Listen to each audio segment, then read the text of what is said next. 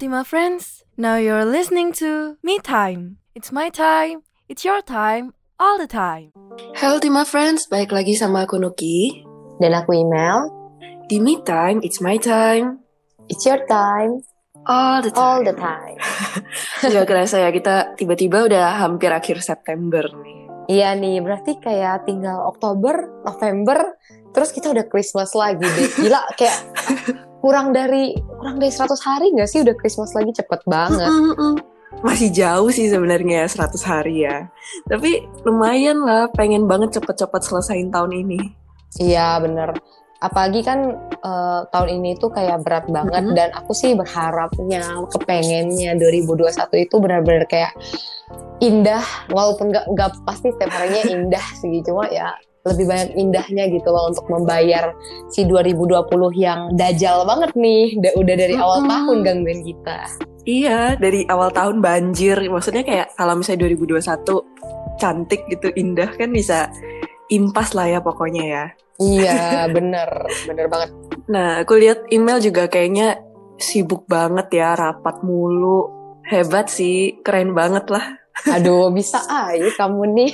Cuma enggak sih, eh, maksudnya bener-bener lagi sibuk sih bener sih karena Mm-mm. kuliah online karena ada organisasi juga sibuk kan jadinya Mm-mm. yang paling aku rasain juga sih di tengah kesibukan ini itu sering banget emosi jadi itu kan juga bikin kita capek secara mental juga kan jadi itu kalau emosi itu sering meledak-ledak gitu gampang banget buat kemarah kayak ke orang lain gitu. Padahal kayak kesalahannya sebenarnya kayak dikit aja cuma karena mungkin kita kecapean. Jadi semuanya dibawa ha- bawa hati bawa baper semua kan. Jadinya makin Hmm. parah. Dan kayak kalau misalnya nih ada ngomongin sesuatu kan kayak tugas atau kan banyak tugas kelompok nih akhir-akhir ini kayak Nu- Nuki pasti juga banyak deh. Ah, ah, ah, rasanya itu kayak pengen ih kamu nggak tahu apa yang aku lagi sibukin gitu. Kayak kesel banget karena Uh-uh. harus ngerjain ngerjain tugas harus itu harus gimana ya pokoknya bawaannya panas aja hatinya terus karena kita capek Hmm. mau ngurusin kerja kelompok ngurusin tugas organisasi tugas ini tugas itu iya paham paham. jadi Terus sensitif ah, ah. oh iya, terus kalau email lagi ngerasa sensi gitu, eh, biasanya email gimana sih ngatasinnya?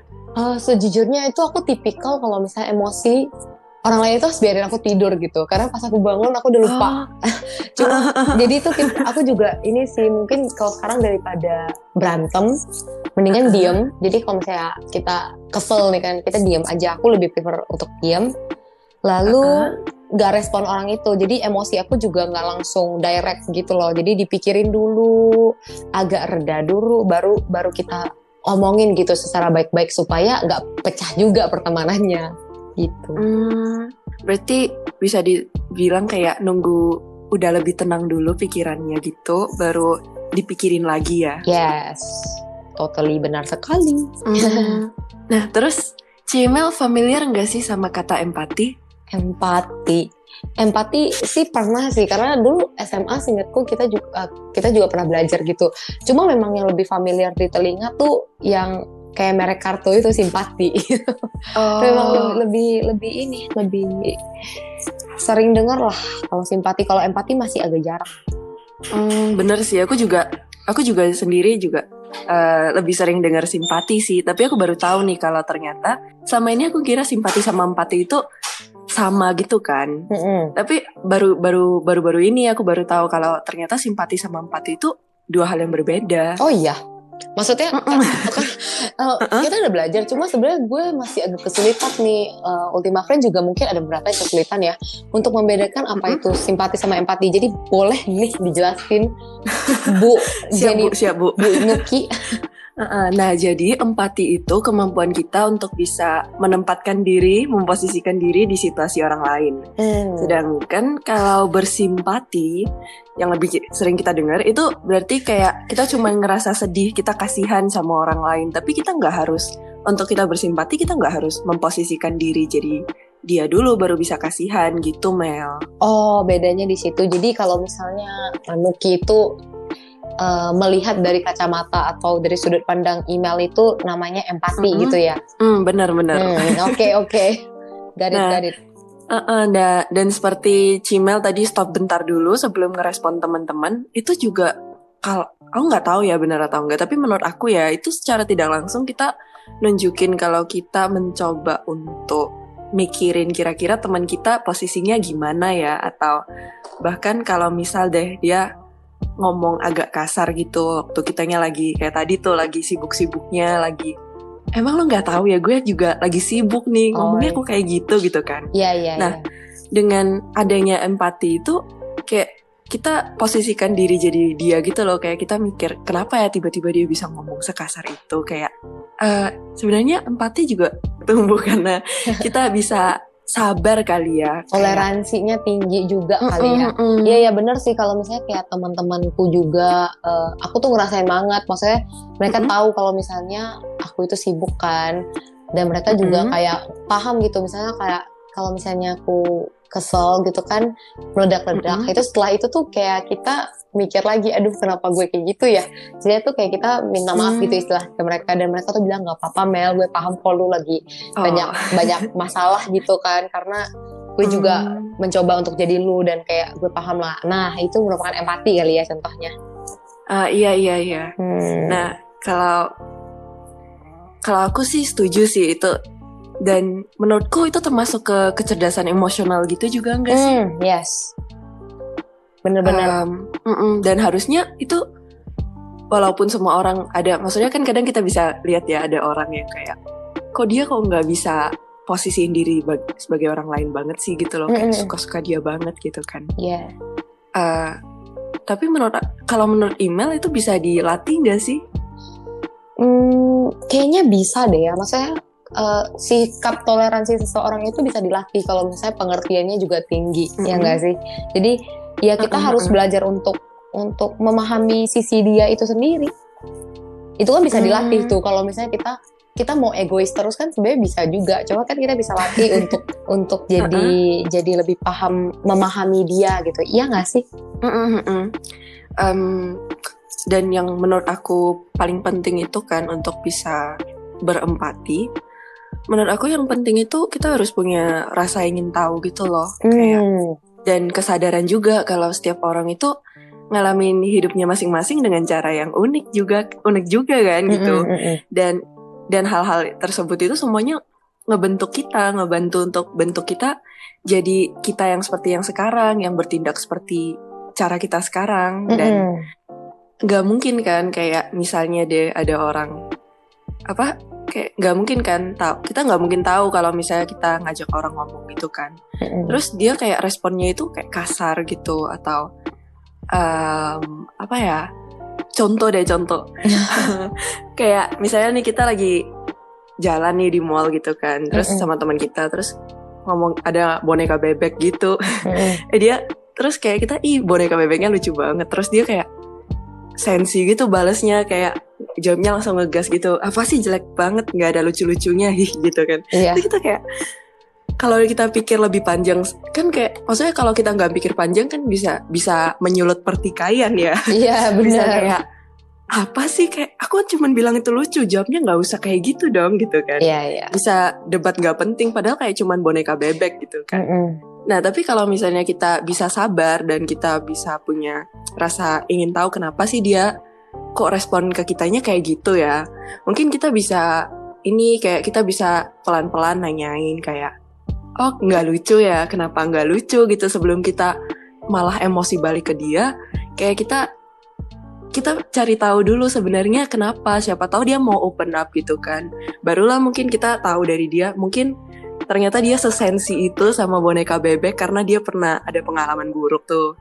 Misalnya mantannya ngasih dia boneka bebek terus kayak mantannya selingkuh sampai dia benci banget sama boneka bebek. Kita kan gak pernah tahu ya. Iya. kayak iya. maksudku kayak selalu ada alasan gitu loh kenapa orang ngelakuin hal dengan caranya sendiri gitu. Iya iya. Dan aku juga eh, maksudnya aku juga pernah di posisi yang kayak tadi Nuki contohin itu maksudnya sensi banget nih sama something. Tapi kita nggak sadar sebenarnya kayak kalau misalnya di, misalnya kayak ditunjukin gitu eh lu tau nggak Mm-mm. sama ini ini ini?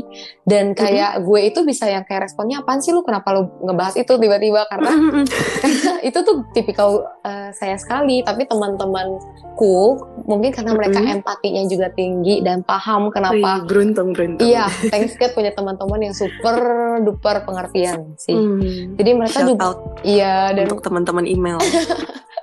dan mereka tuh langsung yang kayak uh, malah ngebantu kita untuk get rid of kemarahan itu dengan bercandain kita gitu loh ngerti gak sih bercandainnya itu nggak yang bikin kita emosi ya kayak ah, apa sih lu Mel? Gitu aja gitu gitu ngerti gak sih? Yang yang Iya iya. empati mereka itu ditunjukkan dengan cara yang berbeda. Tapi ya mereka tahu kenapa aku marah. Bukannya menyudutkan aku karena aku ngamuk karena hal yang nggak penting sebenarnya. Tapi mereka berusaha untuk merangkul aku supaya nggak nggak kebawa emosi lagi dengan hal itu gitu.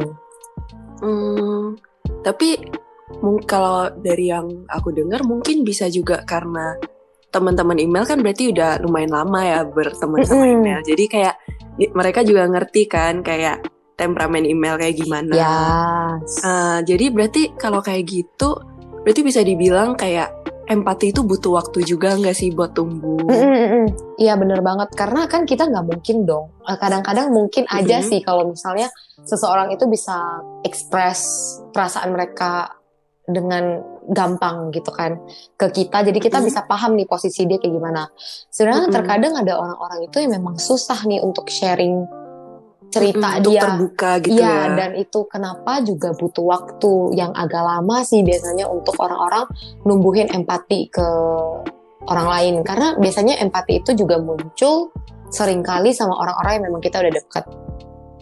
Mm-mm. Kan, Mm-mm. Karena kita tahu historinya nggak sih? Histori di belakang itu sebenarnya. Ah, ah, ah, kayak bener sih kayak kita tahu historinya terus kayak mungkin pernah pengalaman juga gitu kan walaupun mungkin waktu awal-awal masih sulit untuk berempati misalnya Mm-mm. tapi karena mungkin ada pengalaman misalnya udah pernah paling sering sih kalau dilihat ya teman-teman aku yang deket sama aku itu itu semuanya kayak udah pernah berantem dulu gitu loh berantem besar sama aku Mm-mm. terus baru karena kita udah pernah berantem kita udah pernah kayak keluarin semuanya gitu kan. Baru kayak kita itu jadinya beneran nyaman banget jadinya malah jadi deket banget. Dan kurasa karena kita udah tahu apa hal hal apa yang bisa bikin teman kita itu marah apa yang bisa bikin dia sedih apa yang bisa nyinggung dia jadinya itu yang apa ya karena udah pernah ada masalah dulu baru tuh kayak ngerti gitu oh yang bener itu kayak gimana gitu Iya, kita tahu limitnya seseorang itu setelah kita kenal sama dia dan kita bisa memposisikan Mm-mm. diri kalau kita tahu limitnya sebagaimana. Misalnya kayak ah, gila banyak banget ya contoh minggu ini. Mohon maaf nih Ultima Friends. Supaya lebih clear aja kali ya. Eh, kalau kalau misalnya kayak contoh aku tadi, mereka itu nggak bakal bisa tahu posisi aku kayak gimana kalau misalnya nggak tahu limit aku itu sebagaimana. Misalnya ada orang yang bikin aku kesel nih sebenarnya kalau misalnya Nuki mungkin yang dibikin kesel, mungkin Nuki nggak bakal marah karena batas kesabarannya Nuki itu tinggi banget misalnya ya. Ini kan misal ya misal. Oke oke. Terus terus.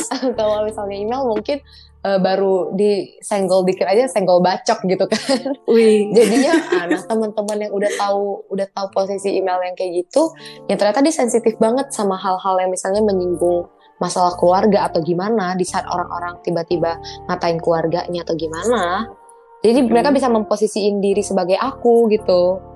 Mm, Karena mm, mm, kesabaran aku itu kalau masalah keluarga kayak gitu itu cuma 25% misalnya kalau misalnya nyinggung dikit aja apaan lu gitu langsung udah kayak mm. ngamuk. Nah, ma- baru mereka bisa kayak, oh kalau misalnya gue email kan gue kesabarannya cuma 25% kalau masalah ini. Ya kan, ya itu mengapa gue marah gitu, ya nggak? Ya, iya ngerti ngerti. Hmm. Uh-uh. Dan kan dari tadi kita kasih contoh yang kayak mm, apa ya kayak long term gitu ya kayak Ya. oh, pernah ada masalah apa gitu di sebelumnya. Jadinya dia kayak langsung sensi gitu. Tapi sebenarnya nggak harus ada masalah yang kayak jauh gitu loh. Kayak misalnya hari ini misalnya hari ini emang kebetulan aku lagi enggak mood gitu kan. Ada hal misalnya ada deh gue dimarahin dosen tadi gitu waktu Mm-mm. kelas misalnya. Mm-mm. dan terus itu jadinya bikin respon aku ke teman-teman aku yang nanyain baik-baik itu jadinya responnya juga jelek gitu kan Nah itu juga apa ya kalau aku maksudnya kayak pernah nggak pernah nggak sih baca itu kayak quote aku lupa deh exactnya itu apa tapi kayak kalau misalnya ingat untuk selalu jadi baik ke semua orang karena lu nggak tahu dia habis ngelewatin hari yang seperti apa gitu. Iya, iya benar. Mm-mm. benar. Bener banget sih ini. Aku, aku juga ada satu contoh lagi. Ini tuh dari temanku gitu. Jadi Heeh. uh, pernah ada satu kejadian. Kayak kita lagi naik mobil kan, naik jalan gitu kan. Dan tiba-tiba ada satu mobil yang kencang banget. Sebagai manusia pada umumnya yang uh, emosinya itu sedikit banget nih batasannya. Langsung aku Mm-mm. ngomel dong. Ih kenapa sih orang itu bawa mobilnya cepet-cepet gitu? Kan membahayakan orang lain. Tapi dengan santainya temanku yang di sampingku. Dia kan dia yang bawa mobil ceritanya dia langsung geser. Mm-mm. dia bilang kayak gini Mm. "Eh, tapi ya udahlah mungkin dia ada eh, kalau aku jadi dia kalau aku bisa cepat-cepat kayak gitu karena pasti ada sesuatu yang terjadi. Mungkin di rumah Hmm. sakit atau di mana. Jadi kita maklumin aja dong. Gitu kan. Hebat banget bisa mikir pada saat dia kayak gitu aku langsung kayak jelek oh my god eh, kekanak-kanakan banget sih kemarahan aku tadi gitu loh cuma Hmm. dari dia juga aku belajar gitu kalau misalnya dengan empati itu juga bisa tumbuh tanpa kamu harus kenal orang itu Oh, wih. Wow. aku bingung deh mau ngomong apa. iya kan aku juga Uh-uh. kayak agak setelah aku pas hari kejadian itu mungkin masih biasa aja pada saat udah Uh-uh. pulang udah tidur di kasur gitu kan baru kayak kepikiran wah ternyata pemikirannya itu dewasa banget ya bisa bisa berpikir Hmm. empati yang empatinya tuh gede banget gitu ke orang lain gitu Mm-mm. sih Boleh kali ya yang temennya yang itu dikenalin ke Nuki. eh boleh banget nih nanti ya nanti ya ini via Mm-mm. via japri nanti kita berdua Oke oke. aku senang banget sih kayak hari ini kita bisa bahas tentang empati ini ya. Mm-mm. Soalnya kita kan lagi di masa lagi-lagi pandemi. Omongan kita dari udah berapa udah berapa podcast yang kayak ini kan masa pandemi pandemi Iya. lama-lama ini jadinya bukan me time nih tapi pandemi pandemi, time. time Aduh. Nah, jadi apa ya kayak di masa pandemi ini gitu kan. Ini kan masa-masa Iya. yang sulit ya. Pastinya kayak tugas numpuk, pressure dari mana-mana. Soalnya kita kan harus di rumah gitu ya dan gak semua orang kan punya rumah yang berasa seperti rumah gitu. iya iya Ngerti deh pokoknya Iya. Ultima Friends, aku yakin.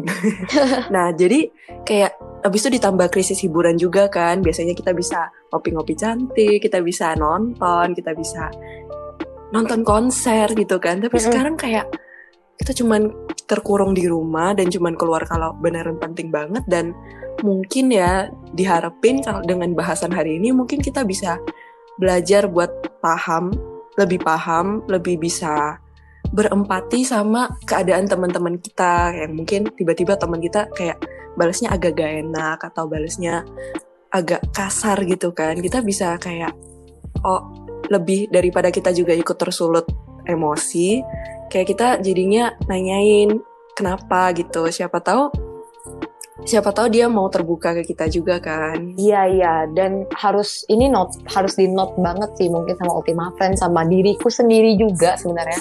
Kalau Hmm. di masa pandemi itu eh, stress level orang-orang itu makin naik. Mm-mm. Itu yang bikin orang-orang sekarang itu banyak yang mungkin mudah emosian dan lain-lain. Dan empati Mm-mm. itu harus diaplikasiin banget sih di masa-masa kayak gini. diaplikasikan Iya.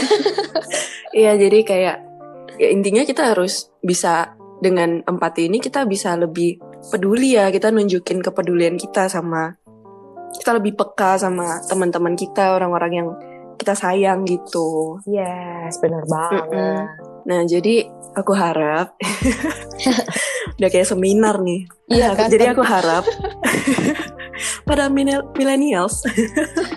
Enggak, jadi jadi aku harap dari obrolan hari- obrolan aku sama email hari ini, Ultima Friends bisa ngerasa lebih ringan dan ya apa pun yang kalian rasain sekarang, stres yang kalian rasain, sedih dan marah yang kalian rasain sekarang itu valid gitu loh kayak kalian boleh banget ngerasain itu gitu. Dan kita harus terus belajar jadi orang yang bisa lebih bantu diri sendiri dan juga pastinya orang-orang yang kita sayang melalui belajar untuk berempati ini gitu. Iya, benar banget. Ultima Friends. Jadi kita semua di sini sama-sama berjuang untuk ngelewatin Mm. masa-masa sulit yang kayak gini. Dan makasih juga udah dengerin kita sampai penghujung podcast seperti biasa. Mm-mm. Jaga kesehatan, kita nggak bakal Benar banget. Setiap podcast dari podcast pertama sampai terakhir kita nggak bakal lupa untuk mengingetin Mm-mm. tema kalian untuk jaga kesehatan, pakai masker dan sampai ketemu minggu depan cuma di me time, it's my time, It's your time. all the time. Bye bye Ultima Bye bye. Friends. Ultima friends, now you're listening to Me Time. It's my time, it's your time, all the time.